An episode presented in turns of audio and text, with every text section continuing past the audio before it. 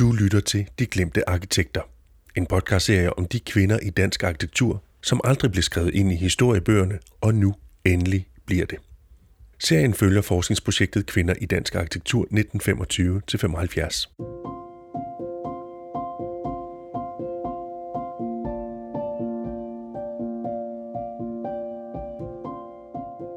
Vi er nået til 6. og sidste afsnit. Omsorg kalder vi det. For omsorg er et begreb, som de tre arkitekturhistorikere Henriette Steiner, Svavar Riesto og Janni Rosenberg Bensen arbejder med. Omsorg forstået som at tage vare på det, som er, og udvikle arkitekturen, byen, landskaberne med afsæt i eksisterende kvaliteter. Det var noget, som blandt andre byplanlæggeren Anne-Marie Rubin var optaget af. Anne-Marie Rubin har haft en stor betydning for udviklingen af danske byer og landskaber. Rubin har en spændende rolle. Hun har allerede inden hun startede sin egen byplantegnestue, har i flere år siddet og rådgivet kommuner rundt i hele landet som ansat i Boligministeriet. Igen sådan en ret usynlig måske i første omgang arkitektrolle, som vi normalt ikke er så vant til at læse som i arkitekturhistoriske bøger, men som har haft en enorm betydning. Vi skal også til Nyord, en lille bitte ø, som nogle af øens gårdejere ønskede at udstykke til sommerhusområdet, indtil øen fik besøg af en byplanlægger med et ganske særligt blik for bevaring en kvinde ved navn Vibeke Dalgas. Jeg var på Rigsarkivet her i sidste uge og øh, fandt faktisk hendes opgave, håndskrevne opgave fra 1957 med tegninger hernede fra, hvor hun har beskrevet, hvad er det for et område, hvad er det for nogle observationer, hun har gjort sig. Og det vidste Palle Sunson, at hun havde lavet den her opgave, lidt anderledes opgave, og kontakter hende så lige på det her tidspunkt i 66, hvor hun stifter sin egen tegnestue og giver hendes nystiftede tegnestue opgaven med at tage til nye ord, og så komme med et bud på, hvordan kan man lave en bevaringsplan for sådan et område. Og det gør hun så. Vi begynder på et af Danmarks sydligste punkter, sydkysten på Lolland. Her tager jeg til en forårsdag, hvor svalerne hænger lavt over marsken og mødes med Svarvariesto. Vi er jo nu på Sydlolland. I den ene retning har vi Rødby, hvor Femernforbindelsen er ved at blive bygget. Mm-hmm. Og der hele den her sydkyst strækker sig af et landskab helt op til vest på her, hvor vi har Alboen, sådan en øh, ådeformation i landskabet. Og hele den her kæmpemæssige kyststrækning på over 40 kilometer har Anne-Marie Rubin lavet en plan for. 40 kilometer lang kyststrækning.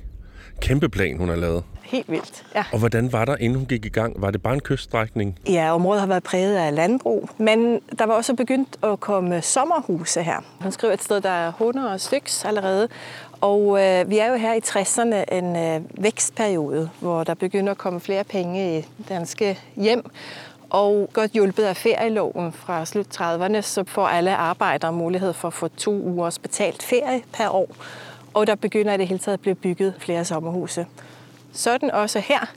Og Anne-Marie Rubin er en af de øh, absolut mest markante stemmer i diskussionen om, hvad der så skal ske med danske kystlandskaber med den her sommerhusudbygning. Det er før hun får den her opgave? Præcis, før og efter. Hun blev ved med at arbejde for den her sag i, i en lang periode. Hvad står hun ligesom for med de her kyststrækninger? Hun er optaget af, at sommerhusudbygningen ikke bare skal være det, hun kalder rent kaos, altså ikke skal være uplanlagt, men at der skal foregå det, hun kalder en ordentlig planlægning.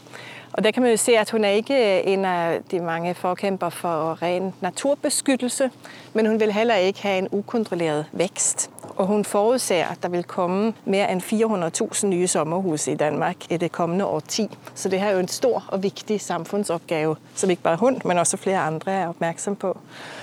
Anne-Marie Rubin bliver en meget vigtig stemme i den her diskussion, deltager på flere byplanlæggerkonferencer, skriver i aviser og er optaget af, at der skal ske det, hun kalder en styret og, og god udvikling, altså gennem planlægning.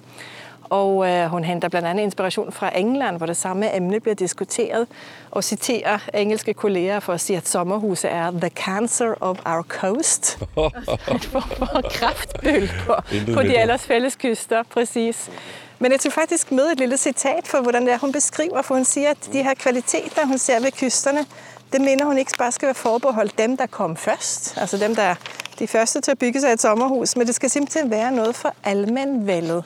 Altså kystlandskaberne har nogle kvaliteter, som tilhører hele befolkningen. Og den balance søger hun at finde i sine sine planer, blandt andet her på Lolland. Vi kan gå bagefter på opdagelse og se, hvordan hun gør. Men det, hun siger om, hvad det er, så det er så fint med kysterne, og hvorfor det er vigtigt, så siger hun, jeg tænker på timerne på stranden, hvor bølgernes lyd blander sig med de spredte skrig fra mågerne.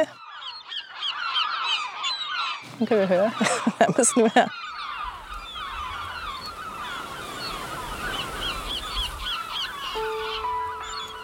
Jeg tænker på timerne på stranden, hvor bølgernes lyd blander sig med de spredte skrig fra mågerne og strandskaderne.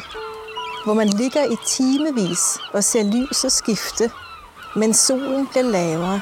Hvor pludselig de fine knivskarpe terner dykker som pile højt oppe fra ned i vandet. Bølgeslaget, lyset, fuglene. Skal dette kunne være en barndomsoplevelse – den nære kontakt med naturen skal ikke forbeholdes dem, der kommer først.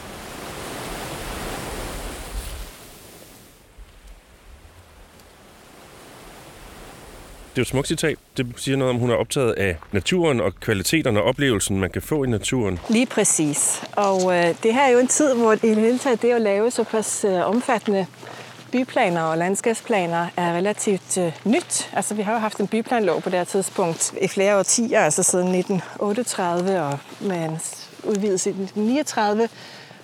Men på grund af krigen er hele udviklingen gået meget langsomt, og mange kommuner har ikke kompetencerne til at gå i gang med en ordentlig øh, byplanlægning.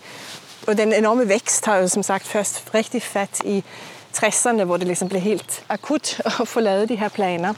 Og Rubin har en spændende rolle. Hun har allerede inden hun startede sin egen byplantegnestue, så har hun arbejdet for det, der hedder den kommitterede for byplansager. Et statsligt organ, der rådgiver kommuner, da de ikke nu havde så mange øh, fagfolk til at udføre de her planer. Så hun har i flere år siddet og rådgivet kommuner rundt i hele landet så anlægger hun så egen tegnestue, det er der også flere, der gør. Hun er en af de første i 60'erne. Og så kan vi se, at ud over 70'erne begynder kommunerne at have såpass mange arkitektfaglige, byplanfaglige folk ansat, at øh, ja, Robin er en af dem, der så ophører med sin tegnestue og begynder at gøre andre ting. Hun bliver også professor allerede i 1968. Den første kvinde, som bliver professor inden for arkitektfagene i Danmark. Men det er som privat byplanlægger med egen tegnestue, at hun får den her opgave? Ja, det er det.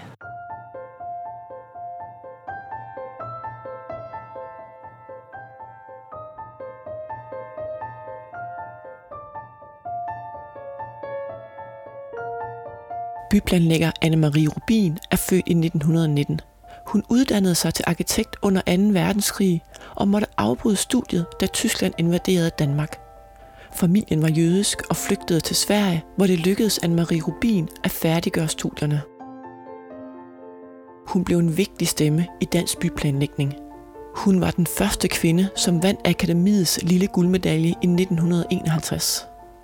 Og da hun senere selv blev præsident for Akademirådet, brugte hun sin position til at debattere tidens store byplanprojekter.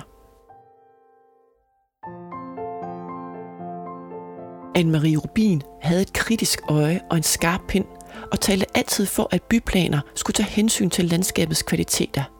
Særligt kystlandskaberne, hvor der i 1950'erne og 1960'erne stod til at bebygge mange nye sommerhuse. Hun forsvarede blandt andet det rømningstruede Christiania og lavede sammen med fotograf Gerda Tosti en udstilling, der viste de menneskelige kvaliteter i de hverdagsrum, der var blevet indrettet i fristaden. Rubin havde en travl karriere, og hun arbejdede for Boligministeriet og senere i egen tegnestue. Allerede i 1968 blev hun professor i samfundsplanlægning i Stockholm, og fra 1974 ved Aalborg Universitet, et job hun besad indtil hun fyldte 70. Anne-Marie Rubin sagde om sig selv, at hun allerede som barn drømte om at blive arkitekt. Hun tegnede meget, og hun sugede til sig af de mange intellektuelle samtaler, der blev ført i hendes barndomshjem, der altid var åben for invitationer til spændende mennesker, blandt andet Niels Bohr. Anne-Marie Rubin overtog sit voksne liv den samme gæstfrihed, og hun omgav sig med inspirerende mennesker. Hun var blandt andet ven af den amerikanske danserinde og borgerretsforkæmper Josephine Baker, som hun udviklede projekter sammen med, og den amerikanske arkitekt Christopher Alexander. Anne-Marie Rubin døde i 1993, 74 år gammel.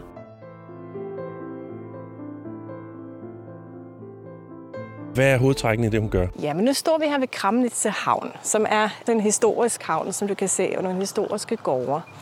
Det ser hun på som sådan et vigtigt punkt i hendes øh, byplan for hele kystlinjen. Vi kan se det her på planen.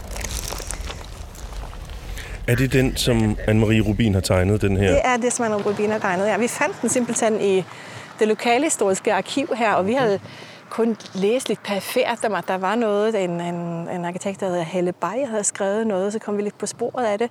Så skrev vi til det lokale historiske arkiv, og de var bare sådan, Nå ja, Rubinplanen, ja, den har vi der liggende. Ikke? Så hernede går den under navnet Rubinplanen, og er på ingen måde glemt.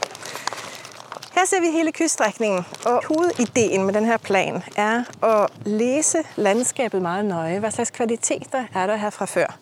Hun var optaget af, hvor der var eksisterende beplantning, skove. Hun var optaget af, hvor der var gode badestrande. Det registrerede hun. Hun læste Lollands landskab, Sydlollands landskab som et fladt landskab med lange kig og skovbryn, der kommer igen og igen, og ville gerne forstærke og fremhæve den kvalitet. Og så anlægger hun sommerhusområder, men gør det sådan, at de ligger i nogle klynger, for dermed at sikre, at der er grønne områder imellem.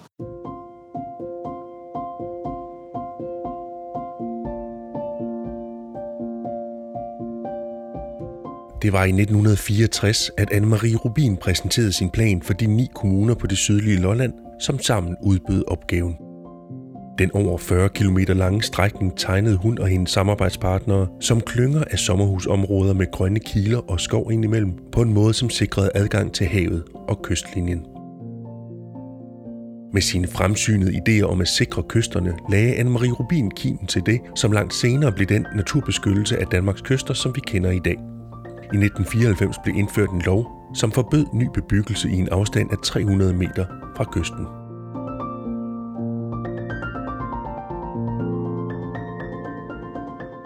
Rubin var på mange måder forud for sin tid, og det er blandt andet derfor, hun ikke bare er interessant for de tre arkitekturhistorikere, som har fundet frem til hende og nu fortæller hendes historie, men også for en speciale studerende, som Svarvari Esto vejleder. Jeg hedder Henrik øh, Favn Hansen, og jeg, øh, jeg studerer landskabsarkitektur. Jeg er i gang med at skrive mit speciale med Svave her som vejleder. Henrik Færgemann Hansen mangler kun sit speciale for at være uddannet landskabsarkitekt, og netop nu er han ved at grave sig ned i den plan for det sydlige Lolland, som Anne-Marie Rubin med sin tegnestue lavede i begyndelsen af 1960'erne. Mit speciale det handler først og fremmest om historie. Da jeg skrev til Svave, der ville jeg gerne have et historisk område, fordi jeg synes, historie er vigtigt for, når man planlægger fremad i tid. Så øh, pegede Svave på det område hernede, som Anne-Marie Rubin har planlagt. Henrik Færgemann Hansen mødes med Svarva og mig i Kramnitze, og det giver mig anledning til at høre, hvordan han som ung studerende ser på Anne-Marie Rubins næsten 60 år gamle plan. Som landskabsarkitekt, snart landskabsarkitekt, Ja, jeg har lige om lidt. hvad er det for nogle kvaliteter, du bider mærke i her? Jeg synes, det er vigtigt, at man øh, ikke starter fra scratch altid. Jeg synes, det er vigtigt, at man kigger på, hvad der ligesom er i området, og bygger oven på det, fordi øh, ja, der er en masse kvaliteter, som Anne-Marie Rubin har tænkt på dengang, som man kan bruge i, i dag og bygge oven på det. Jeg vil gerne skrive om historie, så jeg dykker selvfølgelig ned i historien som det første. Helt tilbage fra altså, 1872, hvor man ligesom inddæmmede et kæmpestort område som øh, kystsikring selvfølgelig, så folk kunne føle sig trygge, og så folk kunne bo hernede. Men det var en tusindårs hændelse, det der skete, så, så øhm, vandet steg til, til 3 meter over vandets overflade, og derfor så blev en tredjedel af Lolland faktisk oversvømmet. Det er jo enormt. En tredjedel af Lolland. Ja, helt, helt vanvittigt. Helt op fra Nakskov Fjord, og så en stor del herned til, øh, til Kramnitz, hvor vi står nu, og længere over. Og det var så øhm, ligesom grunden til, at man byggede diget, og grunden til, at man så senere i 60'erne kunne lave de her sommerhusområder, som Anne-Marie Rubin har været med til at planlægge. Ikke? Man kan se mange andre steder i landet. Marienløst over på Falster er et godt eksempel, hvor der bare er blevet bygget til fuldstændig. Altså det er sommerhus på sommerhus på sommerhus. Og der mister man lidt nogle af de her naturlige kvaliteter, som, som det her område især har, hvor man virkelig mærker man atmosfæren på den danske kyst. Hvad giver det at finde sådan en som hende, og, og de planer, som hun har lavet og, og tænkt? Altså, jeg, jeg har jo ikke hørt om hende før, eller, eller sådan, men altså, jeg er virkelig glad for at se, at der rent faktisk er blevet tænkt over ting og er blevet planlagt noget. Anne-Marie Rubin hjælper os til at forstå det her landskab, og vi kigger i forskningsprojektet historisk og undersøger, hvad det er for en kontekst, hans plan er opstået i, og hvad den bidrager med. Og så i dialog med Henrik, så bliver det jo en, også en samtale om, hvad sker der i nutiden i sådan et landskab som det her. Ikke? Fordi at i et designprojekt, som det du har arbejdet med Henrik, så handler det jo ikke bare om at, at sige, nu skal vi konservere Rubins plan og lade, som om vi sidder i år 1965. Men jeg tænker, du arbejder jo med mange nutidige udfordringer også. Ja, ja men øh, ja, det er jo meget op i tid med, med klima og med biodiversitet, og, og hvordan skal man ligesom få lavet mere natur i Danmark. Det er jo en kæmpe ting, og det er der jo faktisk plads til herude. Og det tænker jeg, at Marie Rubin har jo haft et natursyn, der handlede om at give, et helt andet natursyn, det er rigtigt. Ja. At give mennesker adgang til nogle smukke visuelle oplevelser og rekreative muligheder. Og så kommer du med at lægge ligesom et nyt lag på, men uden at kaste barnet ud med badevandet. Ja, ja, ja. det er rigtigt. Altså, hun har jo ja, meget haft mennesket i fokus, og, og de rekreative muligheder, man har skulle have i de her sommerhusområder som hun har været med til at planlægge. Men i dag så er det måske mere, man kigger også på nogle andre arter end bare mennesker. Og det er det lag, jeg prøver så at, at arbejde lidt med i, i mit speciale, blandt andet. Vi forlader lige Lolland for en stund. Vi skal nok vende tilbage for resten af historien om Anne-Marie Rubins plan for det sydlige Lolland. Men først skal vi til en anden ø. En lille bitte ø. Nyord. Det er en ø, man kommer til fra en anden ø, Møn. En tynd lille bro forbinder de to øer. Nyord ligger nord for Møn, og på Nyord er der kun en enkelt lille landsby. Landsbyen hedder også Nyord. Her kører jeg til med Janne Rosenberg Bensen en dag i april.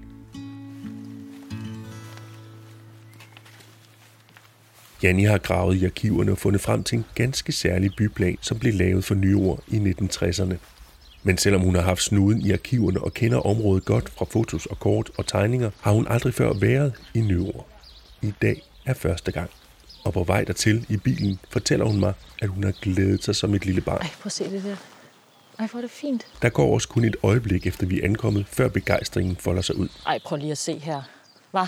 Jamen, men altså, der er simpelthen bare, ved du hvad, der er bare idyll for alle penge. Det må man sige. Ej, altså. Nå, skal vi bare gå en tur og prøve at gå ned mod havnen? Ja. Jeg tænker ikke, at vi kan fare vild. Nej. Vi taler simpelthen om en lille landsby her. Vi er kommet til Nyord. Vi er kommet til Nyord landsby, som jo ligger på øen Nyord. Ej, se der er kirken. Ej, hvor er den fin. Jeg tror ikke, vi skal den her vej for at komme ned mod Jo, havnen. prøve. Oprindeligt har det jo været en landsby med gårde, og vi kan også se, at altså, de jo ligger jo med stråtægte bindingsværk. Og så er de her kommet til senere, som jo muligvis har været folk, der har arbejdet her, eller altså været tilknyttet noget fiskeri, los. Ej, prøv at se kirketårnet. Der. Øj, Ej, ja, klokketårnet. og- altså det er jo det, der er så exceptionelt interessant ved det her sted også. Hvad er at- det, Janne? men det er jo, at det er en landsby, som, hvor man ikke har lavet udskiftning. Altså man har simpelthen ikke flyttet gårdene ud, som man har gjort så mange andre steder. Inden landboreformerne lå landsbyerne, lå gårdene jo i fællesskab, og så havde man marker forskellige steder rundt om landsbyen. Og så øh, kunne man jo godt se, at det, på den måde fik man nogle gange rigtig langt til sine marker.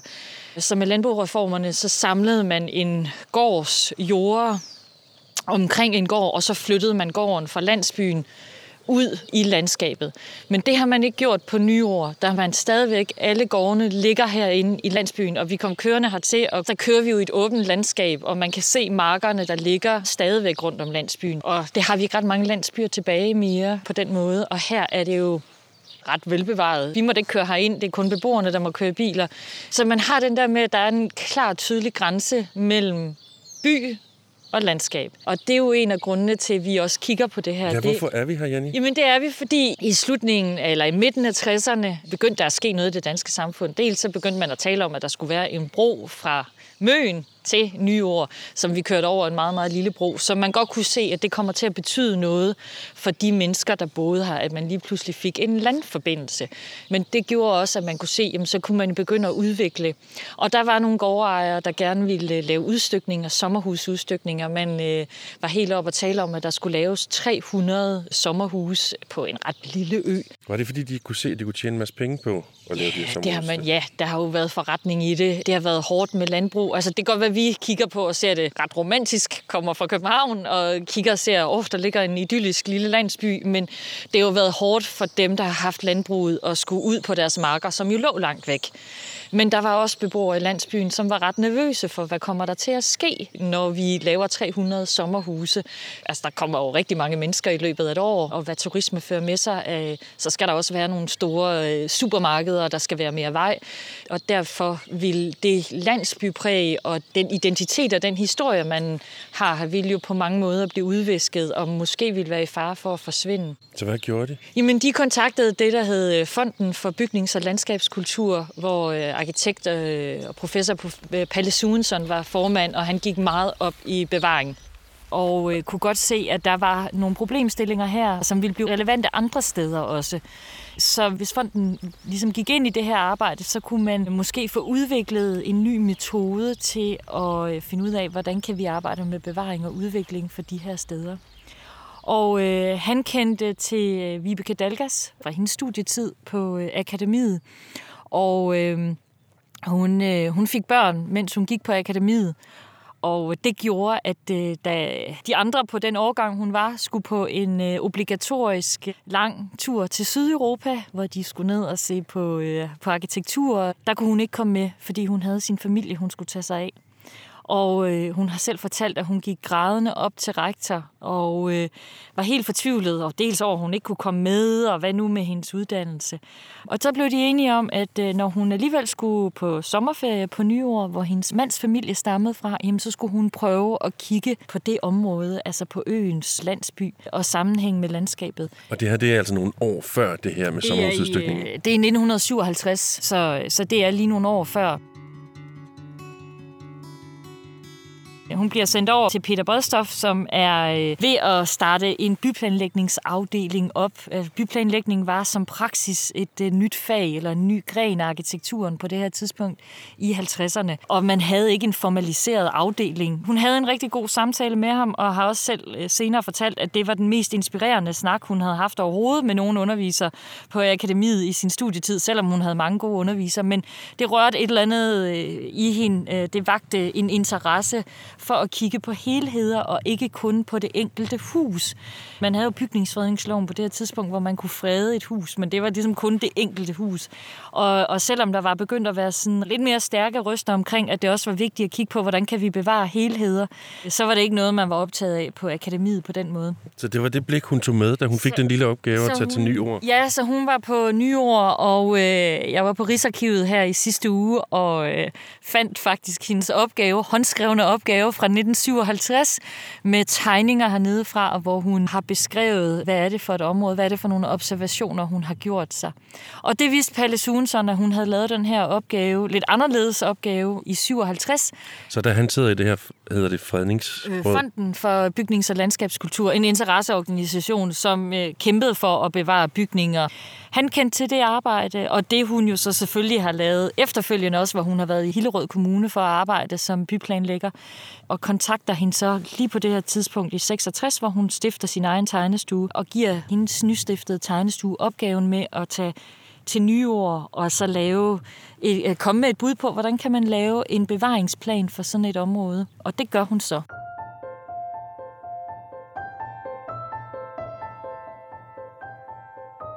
Vibeke Dalgas blev født i 1933 i Holbæk og voksede op i en murmestervilla med stor have, som hun sent i livet skrev om i en artikel. Her luftede hun også en bekymring over den fortætning af byerne, hun som byplanlægger ikke brød sig om. Især begræd hun, at de tætte byer ikke levnede plads til børnenes fri leg og udfoldelse.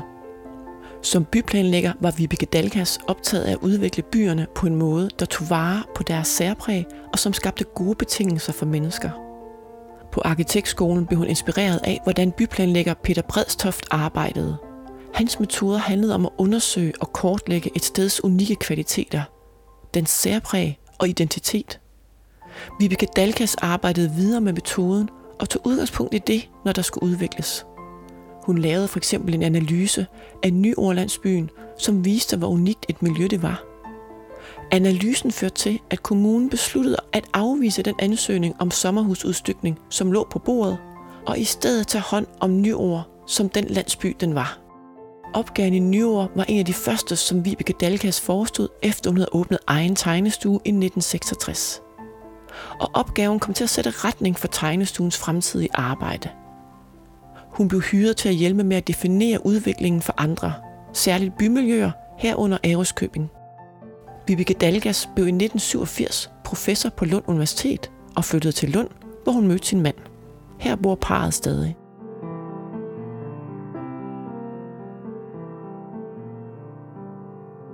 Hvad er det, du står med her, Jenny? Jamen, det er bevaringsplanen, som øh, Vibeke Dalgas lavede. Nu skal jeg prøve at se.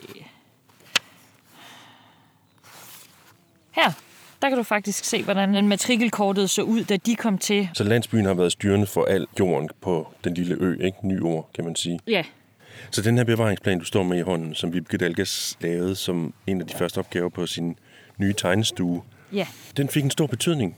Hvordan gjorde den det? Jamen, øh, den fik en stor betydning på to måder, kan man sige. Den fik en stor betydning, eller på tre måder faktisk.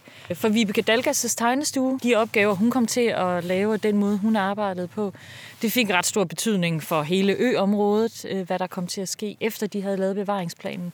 Og det fik også ret stor betydning for den videre udvikling af byplanlægningen i Danmark, som er en lidt overset øh, del af byplanlægningen. Tilgangen var at gå til stedet og finde ud af, hvad er det for et samfund, vi har med at gøre? Hvad er det for nogle eksisterende kvaliteter, der er her? Hvad karakteriserer stedet? Hvad laver? Hvad er det for nogle erhverv, folk har? Hvordan ser husene ud? Hvilke materialer er de bygget af? Hvornår er de fra? Hvad har der været af, af store brænde? Har et, øh, der har været en brand på et eller andet tidspunkt. Jeg tror kun en enkelt stor brand. Så der er ligesom et før og efter det. Ikke? Men hvad er det for en udvikling, øh, landsbyen har været igennem, og hvordan kan man se det i øh, husene og den måde, byen er anlagt på? Og så finde ud af, men, hvad er det, der gør det her sted helt specielt? Hvad er det, man skal bevare? Og øh, baggrunden for, at de fik den her opgave, var jo, at der var nogle af landsbybeboerne, der gerne ville sælge jord fra til at lave en udstykning med 300 sommerhus. Og øh, efter bevaringsplanen de gik i gang i 66 og var færdig i 68 og præsenterede det for kommunen, jamen så fandt man ud af, at det var nok ikke det rigtige sted at skulle lave en stor udstykning med 300 sommerhus, fordi Så så det er hendes- så specielt et sted. Så hendes plan her, bevaringsplan, den havde, altså, den havde en afgørende betydning. Den fik en ret stor betydning for det her lille landsbysamfund. Man bevarede det, så vi i dag, når vi kommer her, stadigvæk kan se, hvordan har en øh, landsby set ud, inden man lavede udskiftning og udflytning af gårdene væk fra fællesskabet i landsbyen. Så her har man det hele liggende stadigvæk i fællesskabet og med jord rundt om, som står ret uspoleret i dag. Og det gjorde, at hun fik lignende opgaver i årene, der fulgte. Fordi det vagte opmærksomhed, at der var en plan her, som kunne noget særligt. Ja, altså man kan sige, jeg er jo ikke sikker på, at øh, det har været øh, breaking news. Øh, det er jo stadigvæk, det er jo et ret lille sted. Altså vi er på en ø, der ligger, altså det er jo ikke engang Møn, vi taler om, det ligger ved siden af Møn, ikke? Så det er jo, det er jo et meget, meget lille ø-samfund.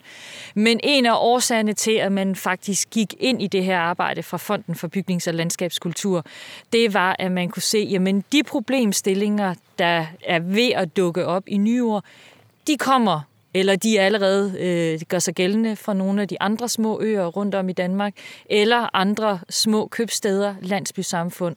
Så man kunne se det som en måde at lære og finde nogle metoder på, hvor man kunne finde ud af, hvordan kan vi bevare og udvikle på samme tid.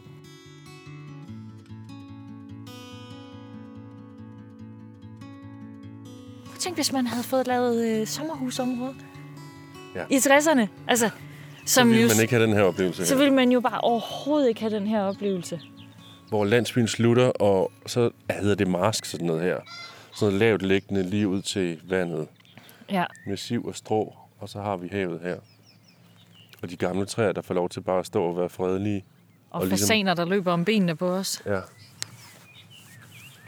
Skal vi gå op ad den der Østergade? Ja, skal vi prøve at gøre det? Der er i hvert fald Østergade 7 og Østergade 9 er fredet. Vibeke Dalgas, har hun været sådan en, der har været svær at finde frem til? Både og. Hun har været en af de øh, arkitekter og byplanlæggere, som har skrevet en del, og som har forholdt sig også til det at være kvinde i branchen. Og så lever hun stadigvæk. Hun lever stadigvæk. Det gør hun. Jeg var over at besøge hende for et par uger siden, halvanden uge siden. Hvordan var det? Jamen, det var jo virkelig interessant. Mange af de kvinder, vi skriver om, er jo døde, og der har vi jo ligesom kæmpet for at finde ud af, hvordan har de været, hvem har de været, hvordan har de selv set på tingene. Men her, der kunne jeg jo tale med Vibeke og høre hendes egen historie, som hun fortæller den. Og det giver jo noget helt andet at kunne tale med folk, end at kun at læse. Ja, hvad giver det? Jamen, øh, man får en bedre forståelse for, hvad er det for et menneske, hvad er det, der er nogle bevæggrunde, der ligger bagved. Og jeg blev også på nogle måder konfronteret med nogle af de ting, som vi har talt om, Svarvar, Henriette og jeg, hvordan vi ser tingene i dag, i hvad man kunne kalde bagkundskabens klare lys, eller med historikernes øh, blik. Det er meget interessant, hvor vi i dag ser, man har, og det er jo også den fortælling, der er i dag, at modernismens byplanlægning handler om udvikling. Det har handlet om at sanere, total sanering, rive øh, hele områder i byer ned. Det er den måde, vi forstår den byplanlægning i den tidsalder på, det er det, du mener? Ja, og så har vi jo kunne se, jamen den måde, Vibeke Dalgas tegnestue har arbejdet med tingene på, har jo været at prøve at forstå, hvad er det for et sted, vi har med at gøre, hvad er det, vi skal tage med videre, hvad skal vi tage vare på. Og det er ikke blevet skrevet ind i historien. Så det der paradoks, at der har været, sådan, som vi ser det i hvert fald, to modsatrettede retninger i tiden, de har været der. Men som Vibeke Dalgas, hun selv sagde til mig, jamen, hun så måske ikke helt, at det havde været altså, den der modsætning på den måde, fordi de lavede jo også udviklingsplaner, og det handlede jo ikke kun om at bevare, det handlede også om at kunne udvikle og finde ud af, hvor kunne man udvikle hen. Så der er jo nogle nuancer i historien, og det er jo også noget af det, vi prøver at at få skrevet frem og sige, hvad er det, der er sket? Har man kun revet ned? Nej, det har man jo ikke, fordi vi kan jo nyde mange af de gamle købstadskerner i dag, men der er blevet revet meget ned. Der er blevet lavet mange vejgennembrud, men der er også noget, der er bevaret. Så historien er mere nuanceret end det, vi ser i dag. Heldigvis er Nyord ikke revet ned, men står som en meget fint bevaret landsbymiljø. Et landsbymiljø, som selv sådan en ganske almindelig torsdag er levende. Den bevarende tilgang til udvikling, som Vibeke Dalgas stod for, er det, som Janni og hendes kolleger kalder omsorg for stederne. Og det er den omsorg, som forskerne også ser hos Anne-Marie Rubin, byplanlæggeren med den mere end 40 km lange plan for det sydlige Lolland. Vi skal tilbage til Svarmari Estor og hendes specialstuderende Henrik Færgemann Hansen, som er ude at se på landskabstrækkene i den plan, som Anne-Marie Rubin og hendes tegnestue udarbejdede i 1964. Vi er kørt øh, østover for at forstå den her plan og se lidt, hvordan området sådan hele tiden skifter mellem. Vi kørte forbi et skovområde, og det er en af de eksisterende beplantninger, som Anne-Marie Rubin så nøjagtigt registreret og også sørget for at øh, fastholde som beplantning og også gerne ville styrke. Og nu er vi kommet ind i et af sommerhusområderne, og som vi kan høre, er der lidt fuglesang, og vi står jo ude på en stor, åben, grøn slette her, som er omkranset af nåletræer og løvfældende træer. Og så ser vi godt nok sommerhuse, men de er lave, og de ligger alle sammen bagved forskellige hække eller træer. Så det er jo med følelsen at stå i et stort grønt landskab, selvom vi er i et sommerhusområde. Har du øje på noget særligt her, Henrik? Er der noget, der er interessant for dig og dit speciale? Ja, i forhold til hele planlægningen. Hvordan er der planlagt? Altså, det er jo noget, man kan tage med videre, hvis man skulle planlægge noget længere ind i landet. For eksempel en grøn kile, hvad kan den? Altså, man kan jo se langt her. Øh, man skjuler lidt sommerhusene, uden, uden at gøre det helt, men det er sådan, man, man kan gå rundt her og egentlig føle, at man, man går rundt i noget, der minder om noget naturligt, selvom det er, er nøje planlagt af Anne-Marie Rubin. Så det er helt sikkert noget, man kan bruge som reference til at sige, øh, hvad sker der, hvis man planlægger sådan? Hvad sker der, når man anlægger en, en grøn kile eller en grønning? Så får man ligesom en fornemmelse af at være i naturen, være et område langt væk fra øh, andre mennesker, og et sted, hvor man kan være rekreativ, selvom de er lige på den anden side af hækken. Jeg tænker også, det her er et eksempel på, hvordan byplanlægning her i 60'erne også kunne være, og det er en byplanlægning, hvor bevaring og udvikling går hånd i hånd. I den her plan bliver der jo skabt rammer for begge dele, kan man sige. Ikke? Og Anne-Marie Rubin er meget skarp på, når hun skriver om den her plan, at ideen er ikke at fastfryse en udvikling eller fastlåse mennesker en speciel måde at være på, men at skabe nogle rammer, hvor i mange ting kan ske over lang tid.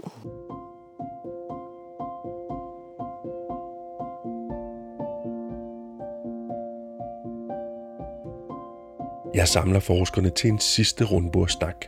Jeg vil gerne have deres refleksioner på omsorgsbegrebet og høre, hvad det giver til arkitekturhistorieskrivning, at de bruger et begreb som omsorg som en linse at se på historien og de glemte kvinder gennem. Her er det først Henriette Steiner. Man kan jo starte med at sige, at vi ved at tage et begreb som omsorg eller et begreb som kærlighed, som man normalt ikke behæfter med arkitektur eller bruger til analyseret arkitektur, jamen så kommer der noget andet til syne. Prøv lige at beskrive, hvad det er, det åbner for jer. Altså helt konkret i forhold til omsorg, så bygger vi på nogle omsorgsteorier, feministisk omsorgsteori, som er en etisk position, som går ud fra, at den måde, vi, vi handler på, den er altid i nogle sammenhænge, i nogle relationer med andre mennesker, med ting, med steder. Og at øh, man ved at tage den her position, altså bevæge sig inden for det her etiske felt omkring omsorg, jamen øh, så ser man omsorg som noget positivt, og det betyder, at man øh, lader sine handlinger styre af, hvilke konsekvenser det, man gør, har for andre, og man hele tiden retter sig mod dem, der er mest skrøbelige. Så hvis man står som arkitekt eller designer, så er det stedet skal forholde sig til, hvad skal der ske her? Hvem er det mest vigtigt for mig at tage hånd om her i forhold til mit design? Så kigger man bevidst efter de grupper, som jo kan være mennesker eller øh, planter, dyr, ting, som man mener er mest skrøbelige. Og det passer rigtig godt på det her med bevarende byudvikling, fordi selvfølgelig er det billigere og nemmere at rive alt det gamle skidt ned og bygge nogle betonklodser i stedet for. Men her vælger man så simpelthen bevidst at gå ind og sige, nej, vi vil bevare det, der måske er mest besværligt at bevare. Og dermed har vi jo nu i det her afsnit at gøre med nogle andre måder at være arkitekt på. En rolle, hvor i man faktisk finder mange kvinder i uh, stigende grad op igen om anden halvdel af det 20. århundrede. Hvor, hvor er det? Svar mig. Jamen blandt andet i byplanlægning, ikke? og i bevarende byplanlægning, som vi har set her. Også i byråkrati, kan man sige. Ikke? Altså, Rubin har jo arbejdet flere år på Boligministeriet, som har spillet en rigtig vigtig rolle i de tidlige byplaner i 1950'erne. Så man kan sige, hvor vi i vækst talte om den her vækstperiode og så på projekter, som styrede velfærdssamfundets udbygning ved konkrete design, så har vi jo her et hvad skal man sige, mere usynligt aftryk fra nogle kvinder, vi har kigget på. Ikke? Altså det, det er ikke så, at man umiddelbart, når man går langs Lollands sydkyst, tænker, at her har der været en autør, en stor arkitekt, der har besluttet, hvordan det hele skal se ud. Og alligevel er det jo en hånd, som er helt klart synlig, når vi begynder at dykke ned i planerne, og vi faktisk simpelthen kan se nu så mange årtier senere. Så på den måde er den anden arkitektrolle, og en arkitektrolle, som vi dermed også knytter til det her begreb omsorg. Jeg kom bare til at tænke på, det jo handler om etik, og det er jo også interessant, hvis man ser, hvordan vores forgængere har skrevet arkitekturhistorie. Altså, der er jo nogen, der har lagt meget vægt på, at dansk arkitektur er meget humanistisk. Danske arkitekter har en særlig etik i den måde, de har designet ting på. Altså, det er jo en væsentlig del af vores historieskrivning. Men ved at bruge et begreb som omsorg fra en feministisk vinkel, så kan vi komme ind og se nogle andre ting. Altså, fordi arkitekturhistorien har jo handlet om, jamen, så har man bygget skoler i en øh, menneskelig skala, det har man også, men det giver et andet blik på arkitekturhistorien og åbner for for eksempel at kigge på bevarende byplanlægning. Altså, hvordan har man forholdt sig til det eksisterende i modernismens øh, glansperiode, hvis man skal sige det på den måde. Ikke? Vi sad sådan og talte tidligere om, at hvis man tager arkitekturhistorien eller byplanlægning, og vi har prøvet at sidde og finde kvinderne, altså de er bare nævnt et eller to steder, ikke? og så har det været det nye, de har lavet, altså, altså de har vundet en konkurrence eller et eller andet, men, men hele den der øh, omsorg for det eksisterende er overhovedet ikke nævnt. Altså det, det er skrevet fuldstændig ud af historien.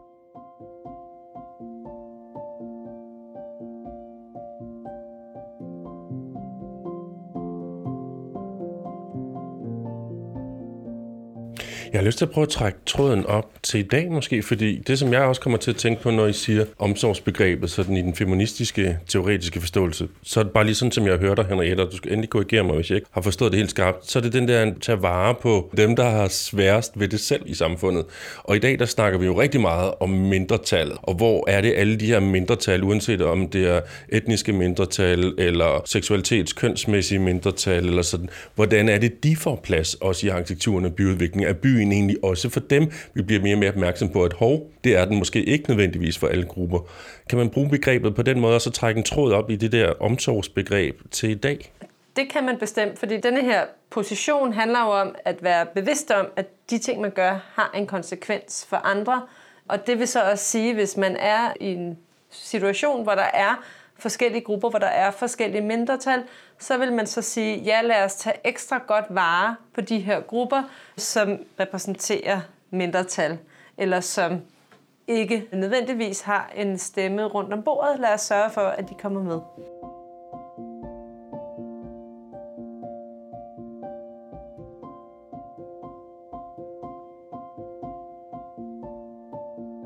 Vi er i slutningen af 6. afsnit her, og Altså, I er jo stadigvæk midt i jeres forskningsprojekt og har gravet en masse kvinder frem. Men hvis nu man sådan skal sige, hvad er det for jer, der har været særlig øjenåbne, eller der, hvor I er lige nu måske? Er der noget, der viser sig lige nu? Altså, vi synes jo, der er et, et, noget, vi ser er en mulighed for os at måske sætte os alle sammen lidt fri, fordi vi bliver opmærksom på, at ansvaret for, at de her byer bliver til, og at de bliver gode for rigtig mange at være i, jamen det er noget, vi deler.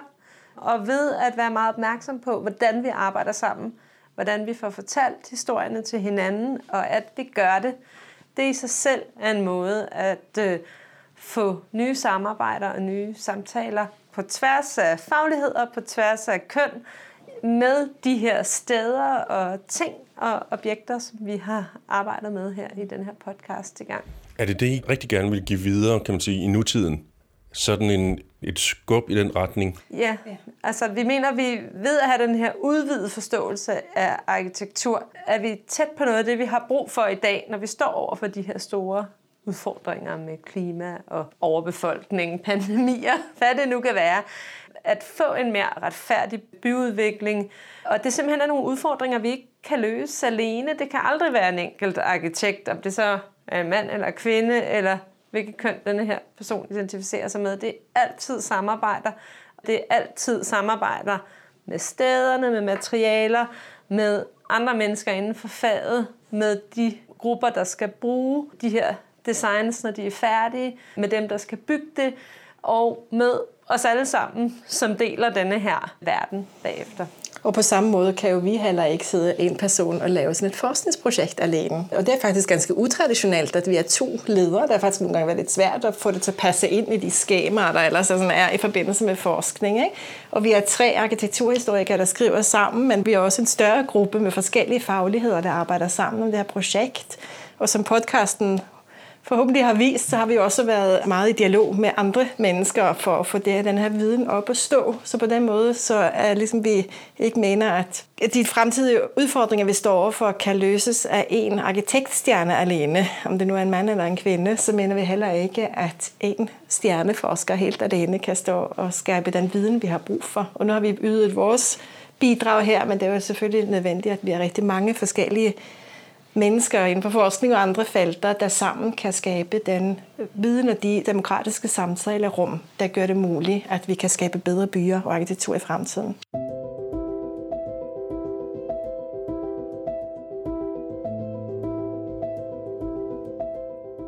Du har lyttet til De Glemte Arkitekter, 6. og sidste afsnit Omsorg. Podcastserien De Glemte Arkitekter har fulgt forskningsprojektet Kvinder i Dansk Arkitektur 1925-75 og er blevet til på initiativ fra forskerne bag. Serien er støttet af Realdania og produceret af Bylyd. Medvirkende Svarvari Riesto, Henrik Værmand Hansen, Janni Rosenberg Bensen og Henriette Steiner. Arkitektportrætter er indtalt af Ane Skak. Lydmix Maiken Vibebauer. Jeg har klippet afsnittet, og jeg har udviklet og tilrettelagt podcastserien sammen med Ane Skak. Mit navn er Niels Bjørn.